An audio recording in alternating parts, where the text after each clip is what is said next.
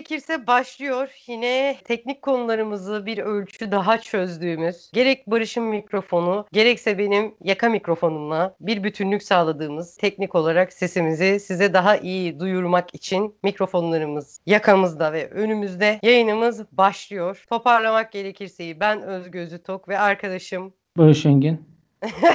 hazırlıyor. Toparlamak gerekirse de bugün biraz daha ciddili bir konu konuşacağız. Medya, yeni medya, eski medya ya da geleneksel medya. Ama özellikle yeni medyayı konuşacağız diye düşünüyorum. Programın başında Özgür arkadaşımız ciddi bir konu konuşacağız dedi ama sayın dinleyen medyayı konuşacaksak pek fazla ciddiyet beklememek gerekir. Medyamızın şu andaki güzide halini göz önüne alırsak. Yani genel olarak konuyu ele alacağımız için onun medyası, bunun medyası, bunlar, onlar. Dünya biraz küresel, biraz global düşünmeye davet edeceğim ben. Sayın Öztürk, ben mikrofonlarımız olayın kendisine ciddi yaklaşmaya çalışacağız. Artık ne kadar mümkün oluyorsa.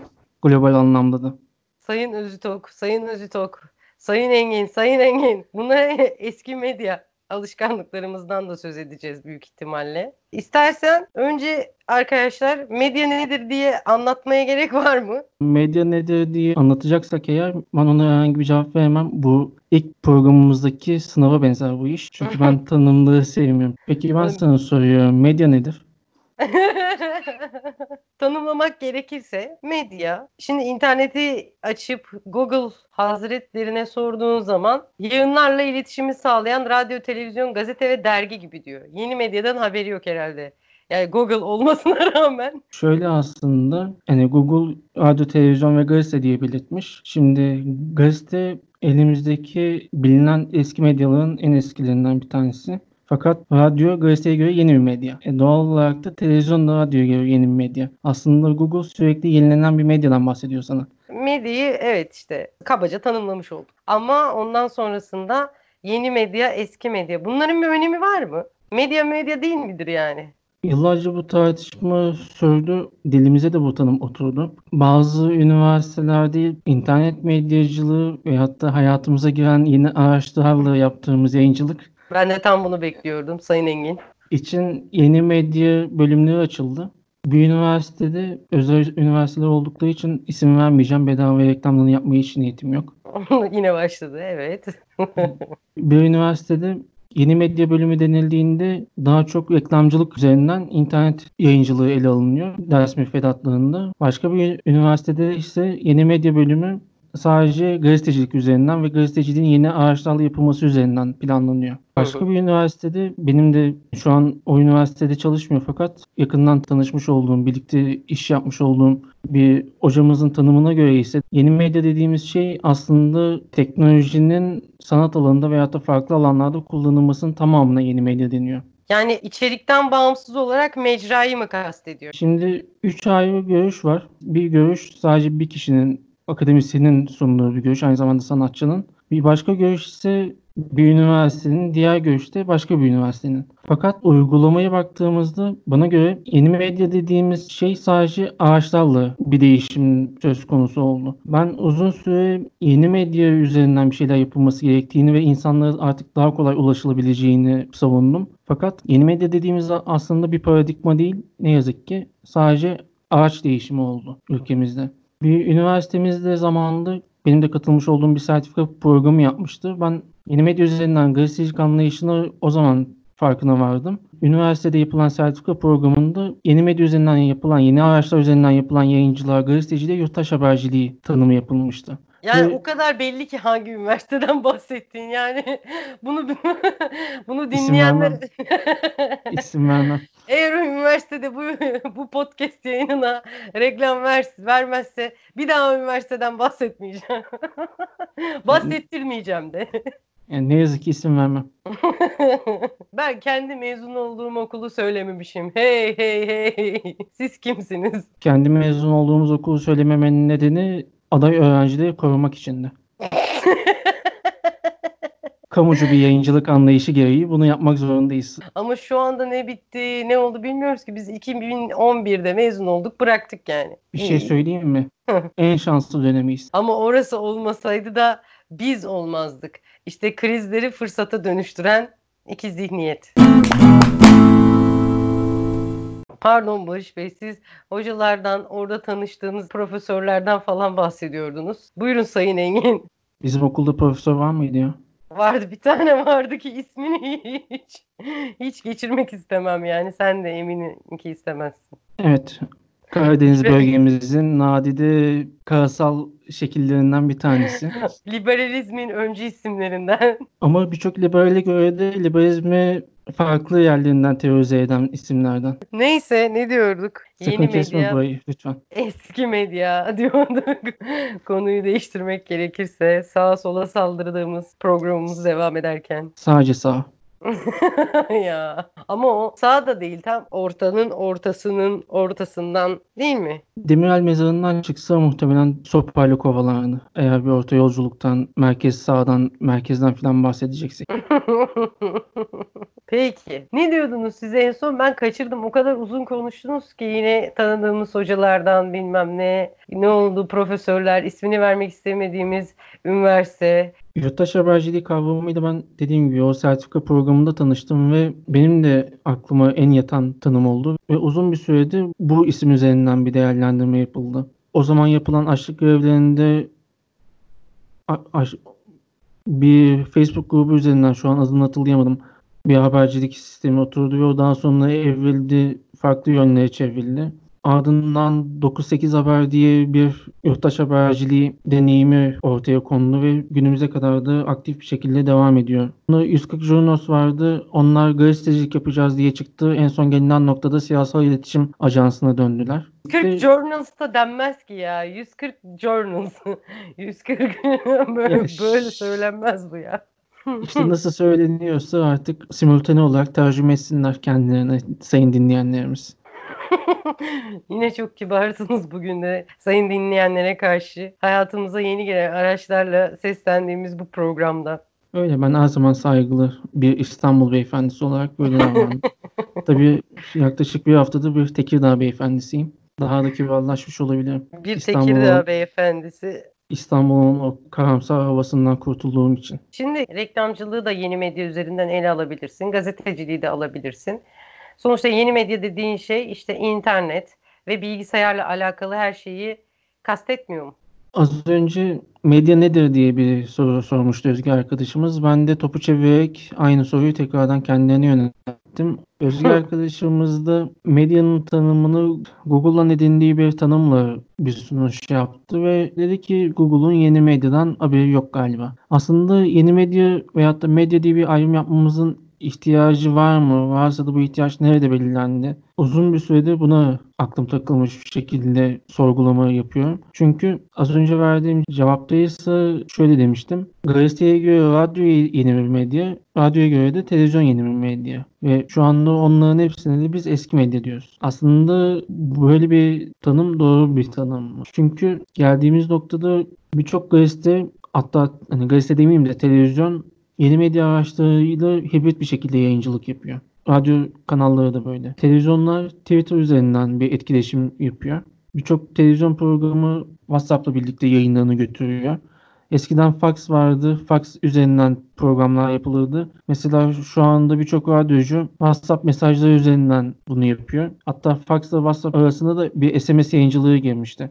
SMS'ler üzerinden bir etkileşim sağlanıyordu. Ve burada eski medya diye tanımlanan araçlarla yeni medya diye tanımlanan araçlar aslında birbiriyle hibrit halde de kullanılabiliyor. Ve tam burada yeni medya ne, eski medya ne diye sorular ortaya çıkıyor bence. Bir sonra gelen muhakkak yenisi oluyor işte. Televizyondan sonra gelen yeni medya mecrayı kastediyor bence. Yoksa yapılan yayıncılıklarda farklar tabii ki var. Mecra değişince yayıncılık anlayışı da değişiyor ama mecrayı kastettiği kesin.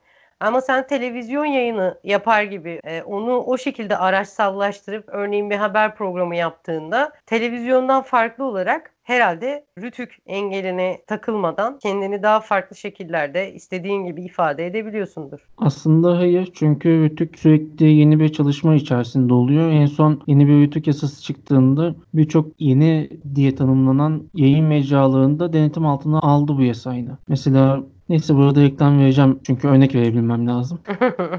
Netflix'i veyahut da bu Puhu TV'yi, Blue TV'yi vesaire denetleyebiliyor artık Rütük. Ve bunlar televizyonda hani konvansiyonel araçlarda değil yeni diye tanımladığımız internet üzerinden yayın yapan araçlar. Ve Rütük artık bunları denetim altına aldı. Ve o yasa tartışılırken de daha yasa çıkmadan, meclise gelmeden önce, genel kurulda da görüşülmeden önce şöyle bir tartışma yapılıyordu. Rütük YouTube'u da denetleyecek mi diye. Aslında bunu mümkün olan en kısa sürede yapmak istediklerini tahmin etmek çok zor değil. Fakat bunun yollarını arıyorlar ve en kısa zamanda da yani en kısa zaman dediğim hemen yarın değil ama fırsatını buldukları, yolunu uydurdukları en kısa zamanda mesela YouTube'da ve diğer mecralarda bu denetime tabi tutulacaktır. Mesela bizim bu yayını yayınladığımız, paylaştığımız mecralarda buna dahil muhtemelen. Ve biz de ister istemez YouTube denetimine gireceğiz bir noktada. Şimdi biraz iletişim hukukuna girmiş olduk aslında da şöyle de bir detay var şimdi. Önceden televizyon kanalı ya da radyo gibi bir mecralara belli bir kesimden insanlar yayın yapabiliyordu. Oysa şu anda o kadar fazla insan var ki şu anda yayıncılık yapan, kendi bizim gibi oturduğu yerden, evinden şimdi. Önceden böyle bir sistem yoktu ve kontrol mekanizması e, görece daha kolaydı. Çünkü kitle iletişim aracı olarak sadece televizyon var, radyo var, gazete var. Onlara da sayılı kişi sayılı program ya da içerik üretiyor. E şimdi herkes oturduğu yerden bizim gibi içerik ürettiği için bunu nasıl yapabilir?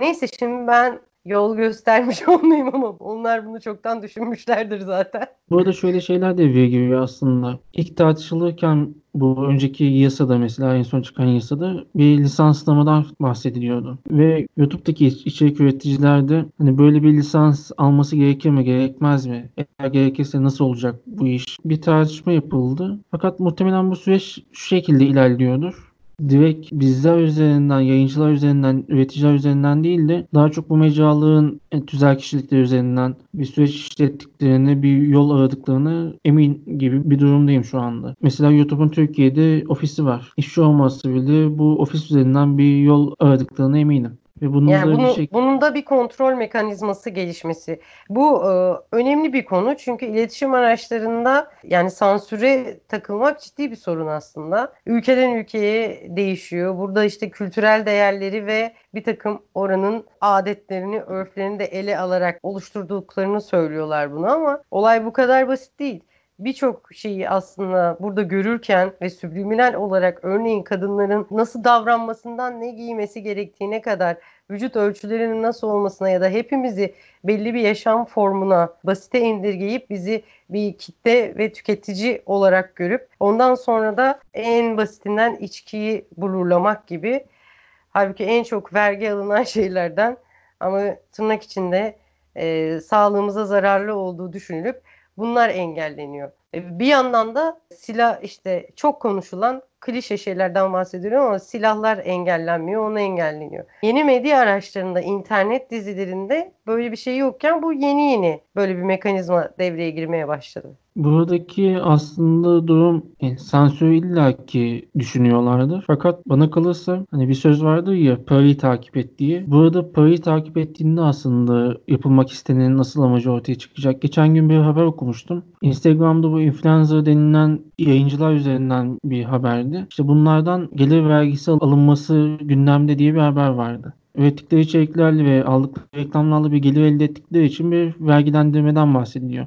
Ve az önce saydığım en son yasayla birlikte saydığım platformlarda gerek üyelik sistemleriyle ya da gerekse de reklam sistemleri üzerinden bir gelir elde ettikleri için aldıkları lisanslar üzerinden de bir vergilendirmeye tabi tutuluyorlar. YouTube ve diğer mecralar üzerinden de bir denetim söz konusu olacaksa bu muhtemelen küçük içerik üreticiler üzerinden değil de daha çok bu milyonluk kanallar ve onların aldıkları reklamlar oranında bir denetim mümkün olacaktır. Zaten her önüne gelen yayıncından da bir denetime tabi tutmaları az önce senin de dediğin gibi kolay bir şey değil. Muhtemelen büyük yayıncılar üzerinden bir süreç işletilecektir. Ve burada da sansür amaçlardan birisi olacaktır. Fakat en büyük amaç da bunların elde ettikleri gelirleri vergilendirmektir diye düşünüyorum. Yani muhtemelen öyle olacaktır. Bir de denetleme mekanizmaları falan biz baya böyle sansüre ve aslında iletişim hukukuna girmiş durumdayız şu anda. Ama tabii ki konu buraları da kapsıyor. Çünkü çünkü girişte ciddi bir konudan bahsedeceğiz demiştim. Beni de ister istemez ciddiyete yönlendirdin. zaman şimdi bu konunun bu kısmından sonra biraz cıvımaya davet ediyorum. Şöyle okuldayken biz şeyden bahsederdik. Yani derslerde bu konuşulurdu hep. Yeni medya araçları eski medyanın yerini alacak ve televizyon kanalları yavaş yavaş eski şaşasını yitirecek diye konuşurduk. Şimdi ne oldu?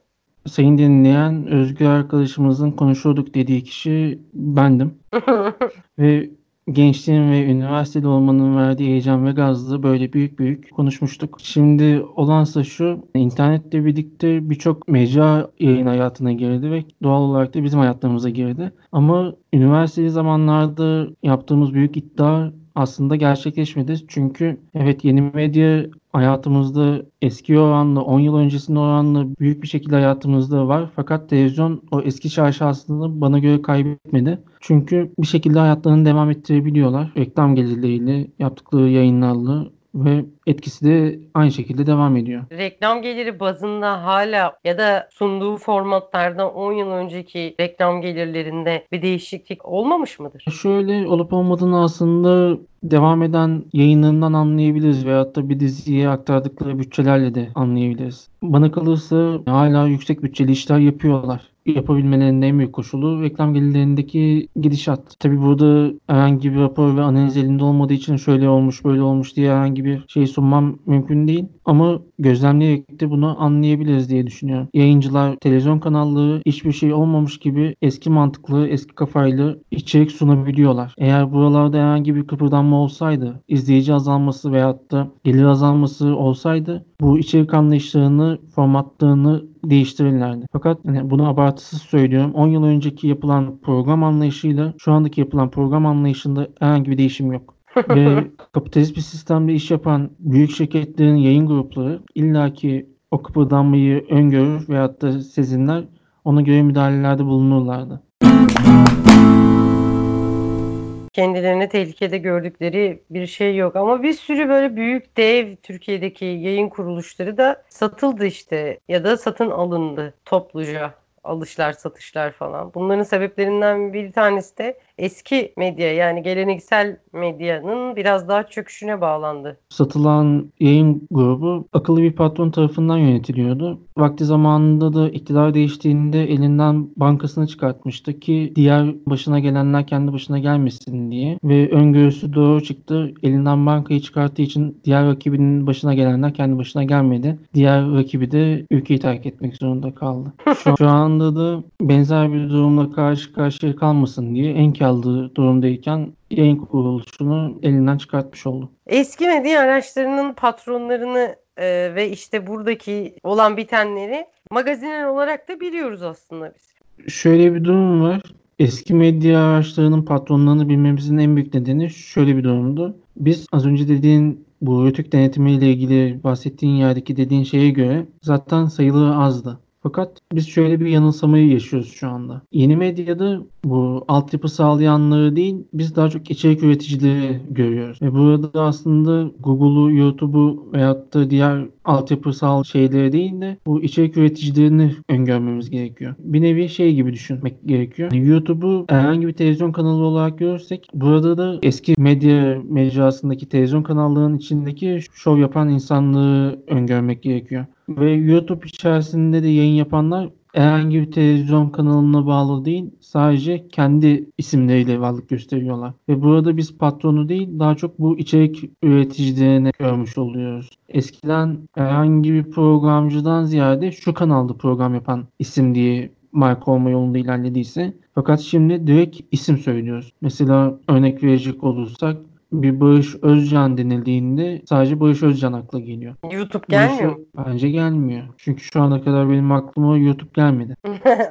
Ama YouTube'da Çünkü... içerik üreten birisi. Barış Özcan hani YouTube olmasa başka yerde de içerik üretirdi. Fakat eski mecralardan düşünecek olursak şöyle bir alışkanlığı vardı insanların bizim de vardı. Bir kişi kanal değiştirdiğinde sanki farklı bir şeye dönüşmüş gibi oluyordu ve o eski kanalındaki reytingleri almıyordu. En bilinen örneklerinden birisi de sanırım Okan Bölgen diyebiliriz. Kanal D'den istifa edip ayrıldıktan sonra birçok kanal değiştirdi ve Kanal D'deki o yaşadığı şeyi yaşayamadığı için o sürekli de devam etmedi diğer kanallarda. Yaşadığı Fakat, şey derken oradaki ün, oradaki izlenme oranları, orada aldığı para mı yoksa neyi kastediyorsun? Rating'den bahsediyorum ve o peşinden koşan insanlardan. Ama o olayı zaten ülkemizde yaşanan süreçlerle beraber tabii ki medya organları da şekil değiştirdiler. Dolayısıyla oraya içerik üreticileri de oradaki tavırlarıyla birazcık ya bu böyle yani bunu iktidar ilişkilerinden medyayı bağımsız düşünemeyiz. Dünyada her ülkede aynı zamanda bir propaganda aracı olan bir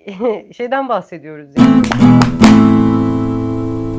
Günümüzde az önceki verdiğim Barış Özcan örneğini tekrar etmek gerekirse Barış Özcan YouTube bırakıp başka yerde yayın yapsa aynı şekilde devam edecektir ki direkt isim isim bilmesem de o evreni. Şimdi oyun yayıncılığı veyahut da farklı yayıncılar Twitch üzerinden yayın yapanlar milyon takipçileri canlı yayın açtıklarında milyonlarca canlı yayını izlenen yayıncılar mesela şimdi yeni mecralar açılıyor. Yeni o taraflara geçiş yapıyor büyük transfer ücretleriyle ve aynı şekilde devam edebiliyorlar izlenmeyi. Ya bu kesin Çünkü- bir bilgi mi? Evet kesin bir bilgi. Ne, neye Evet. bağlıyoruz peki bunu yani? Bir yere bağlayabilecek misin bu lafları ettikten sonra? Yani şuraya bağlıyorum çünkü artık günümüzde az önce dediğim şey gibi bir durum yok. Atıyorum mesela toparlamak gerekirse kanalındaki yayıncı, sabah programcısı veya talk showcu Özgür Öztok Kanal D'ye geçti izlenme oranları şu kadar düştü gibi bir durum yok. Burada çünkü toparlamak gerekirse kanalındaki Özgür Öztok değil veyahut da Kanal D'ye geçen Özgür Öztok değil, Özgür Öztok söz konusu. Yani E- insanlar daha bireysel olarak mı sivrilmeye başladılar yani? Demek istiyorsun. Ne demek Evet. istiyorsun ya? Yani tam olarak öyle. Direkt yaptığın iş ön planda artık. Nerede yayın yaptığın değil günümüzde. O zaman nitelik önem kazandı. Neredeyse olduğundan çok, mecradan çok öyle mi? Evet tam olarak öyle. Mesela ben birkaç yıl önce bir yazı kaleme almıştım. Orada günümüzde yeni yeni daha doğrusu o zamandan beri yeni medyaya geçiş yapmaya çalışan bir gazeteci üzerinden bir kıyaslama yapmaya çalışmıştım. Yeni medya ile eski medya arasındaki geçişin aslında nasıl olmaya çalıştığını sorguluyordum. Anlamaya çalışıyordum. Orada eski medyadaki alışkanlıklarla yeni medyaya geçtiğimizde ortaya koyduğumuz şey yeni mi oluyor diye bir soru sormaya çalışıyordum. Hı hı. Eski medyadaki ünlü bir isim tüm işini alıp ben yeni bir medya kurdum artık internetteyim burası yeni bir medya deyip aynı alışkanlıklarını buradan devam ettirdiğinde yeni mi oluyor diye bir soru sormuştum. Oluyor mu? Şöyle o günden sonra eski medyalarda kovulan birçok gazeteci doğal olarak seslerini yeni araçlarda duyurmaya çalıştı. Çok başarılı girişimleri de oldu. Kovulan kavramını şöyle açayım hani çok kötü iş yaptıkları için kovulmadı bunlar. Sadece çalıştıkları yayın kuruluşlarında fikirleri ve ifade ettikleri kuruluşlarca benimsenmediği için oradan ayrılmalığı gerekti ve bu isimler de kendi araçlarını, kendi yayın organlarını kurmaya çalıştılar. Medyascope mesela bu anlamda iyi bir örnektir. Eski alışkanlıkları devam ettirmedi. Fakat başka isimler de aynı şekilde devam etti. Ve günümüz- Özdemir mesela. bana kalırsa Kenser ne kadar yeni bir şey ortaya koyuyorum diye ortaya çıksa da yaptığı şey eskiyi devam ettirmekti. Hatta şunu söylemem gerekirse şu anda yaptığı şey günümüzde eskiyi de devam ettirmiyor. Hani o azınlığı beşen bir k programların yanında şu an yaptığı şey hiçbir şey. Hı. Bence Cüneyt Özdemir eskiden daha iyi bir gazeteciydi. Şu an her ne kadar sevdiğimiz gazetecilere gazetecilik dersi vermeye kalksa da beşen bir k'lardan konuşacaksak o dersin belki vermeye çalışır. Fakat şu anda yaptığı şeylerden konuşacaksak ders alması gerekir.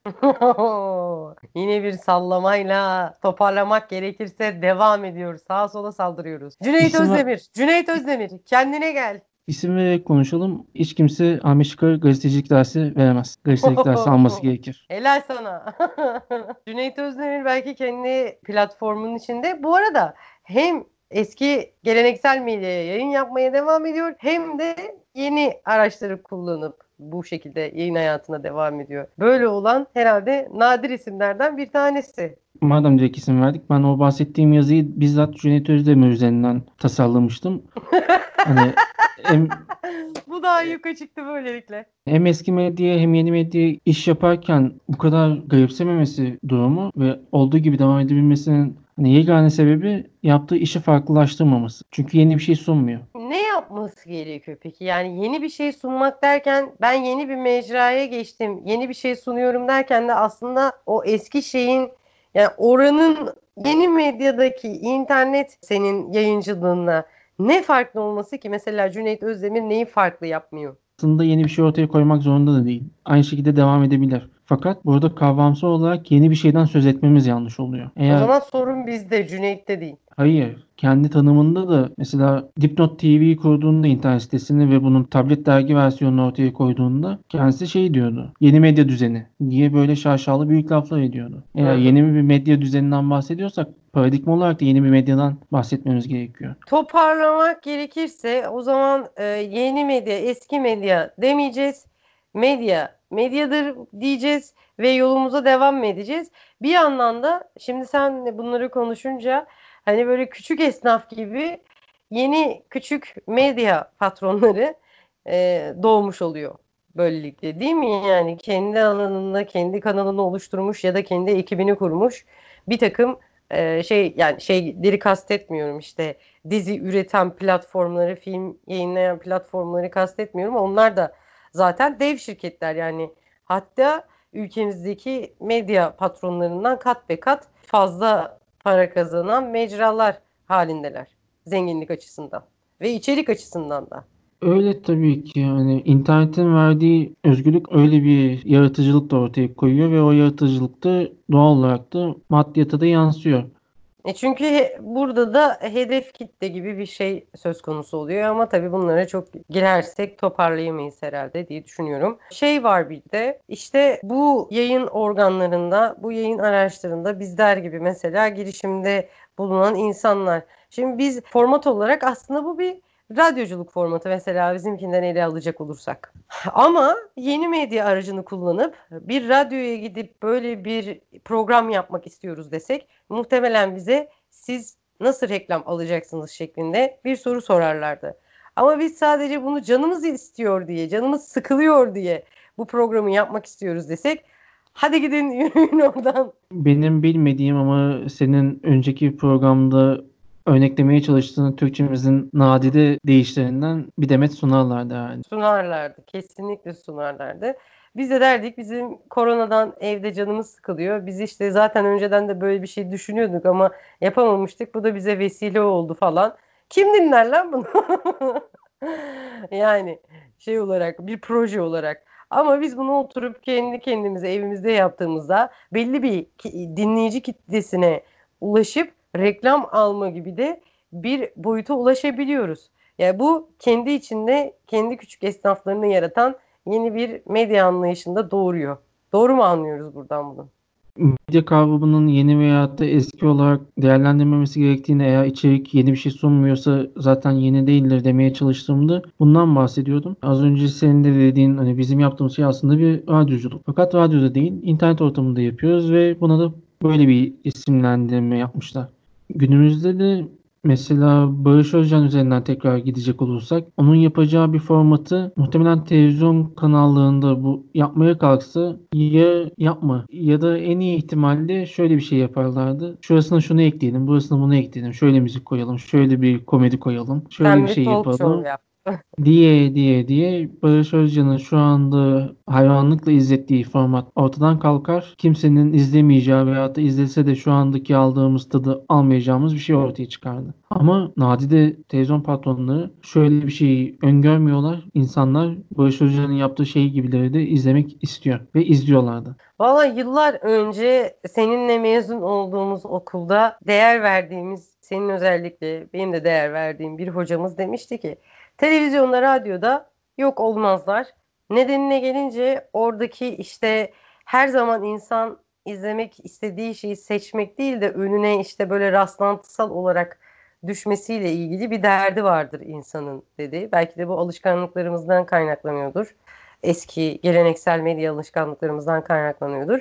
Örneğin bir radyoyu açtığında herhangi bir şarkının çalması veya herhangi bir programın olması aslında insanın hoşuna da giden bir durumdur diye bir açıklama getirmişti.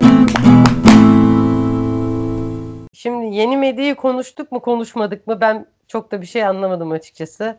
Ne olduğunu da zaten biliyoruz. Geleceğini de an be an yaşadık. Geleceğini de göreceğiz zaten. O geleceğinde deyip bir soluklandın ya.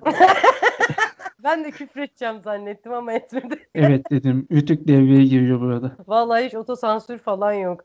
Dümdüz gidiyoruz artık. Bizim yaptığımız işlere de otosan yani sansür uygularlarsa bilemeyeceğim. Bir tane radyocu vardı. eski medya araçlarından olan radyoda o işte yastık sohbetleri Muzo diye bir şeydi. Kendi otosensürünü koyuyordu mesela. Sen işte mesela sana kahkaha efekti koymamız gibi düşün.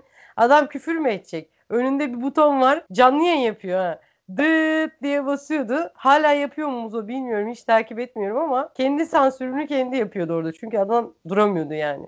Ama böyle kendi kendinin sansürünü yapmak da sansüre karşı müthiş bir direniş değil mi yani? Yani pasif bir direniş olsa da çok iyi bir direniş bence. Çan'ın gazetesinin sansür karşıtı yayınını gördün mü? Hayır. Çanakkale'de yerel bir gazete, Çan'ın Sesi diye bir gazete. Üzerlerine gelen baskılardan o kadar yılmış ki bu en son çıkarttıkları bir sayıda boş bir ilk sayfa basmışlar ve sayfaya da sadece şunları yazmışlar. AKP'li başkan muhteşem, MHP'li başkan harika, CHP'li başkan bravo, muhteşem vekilsin. Tüm siyasal partilerin öven şeyler koymuşlar ve en sonunda da tam da istediğiniz gibi bir gazete çıkarttık sayın siyasiler diye de yazmışlar. Böyle de bir protesto şekli. O da hoşmuş. Kendi meşrebince insanlar protesto etmeli. Ne biz gerçi ana akım medyalarda ağzını bantlayanlar da çıkanlar bir sürü şeyler gördük yani. Bayağı sansür konuştuk aslında bu yeni medya, eski medya, yok işte ortaçağ medyası derken. Yeni ağaçlarda yayın yapmanın, o ağaçların verdiği özgürlüğün sağladığı bir şey aslında bu konuşmamıza sebep olan şey. Yeni medyayı konuştuk. Biraz ciddili bir konu deyince Barış Engin konuyu her zamanki gibi vur dedik, öldürdü. Gayet ciddili konuştu. Kah saldırdı, kah yine çıkışlarını her konuya hayır öyle değil şeklindeki çıkışlarını yaptı. Toparlamak gerekirsenin sonunda getirdi böylelikle. Halbuki benim çok farklı bir konuşma metodum olacaktı bu bölüm. Çünkü sayfalarca bir azılıkla gelmiştim. Fakat Sayın Özütok ciddi bir konuşmadan bahsedince ben de o sayfaların hepsini yakmak zorunda kaldım. Planladığım şekilde bir konuşma gerçekleştiremedim. Fakat konuşmanın bu haliyle de çok mutlu olduğumu ifade etmem gerekir. Ama sizin için aynı şeyi söylemek mümkün olabilir mi sayın dinleyen? İnşallah siz de bu konuşmalarımdan eğlenirsiniz. Daha doğrusu eğlenmişsinizdir. Son sözlerinden aldığımıza göre yeni medya, eski medya, medyayı konuştuğumuz, sansürleri konuştuğumuz, toparlamak gerekirse bitiyor. Bizden bu kadar.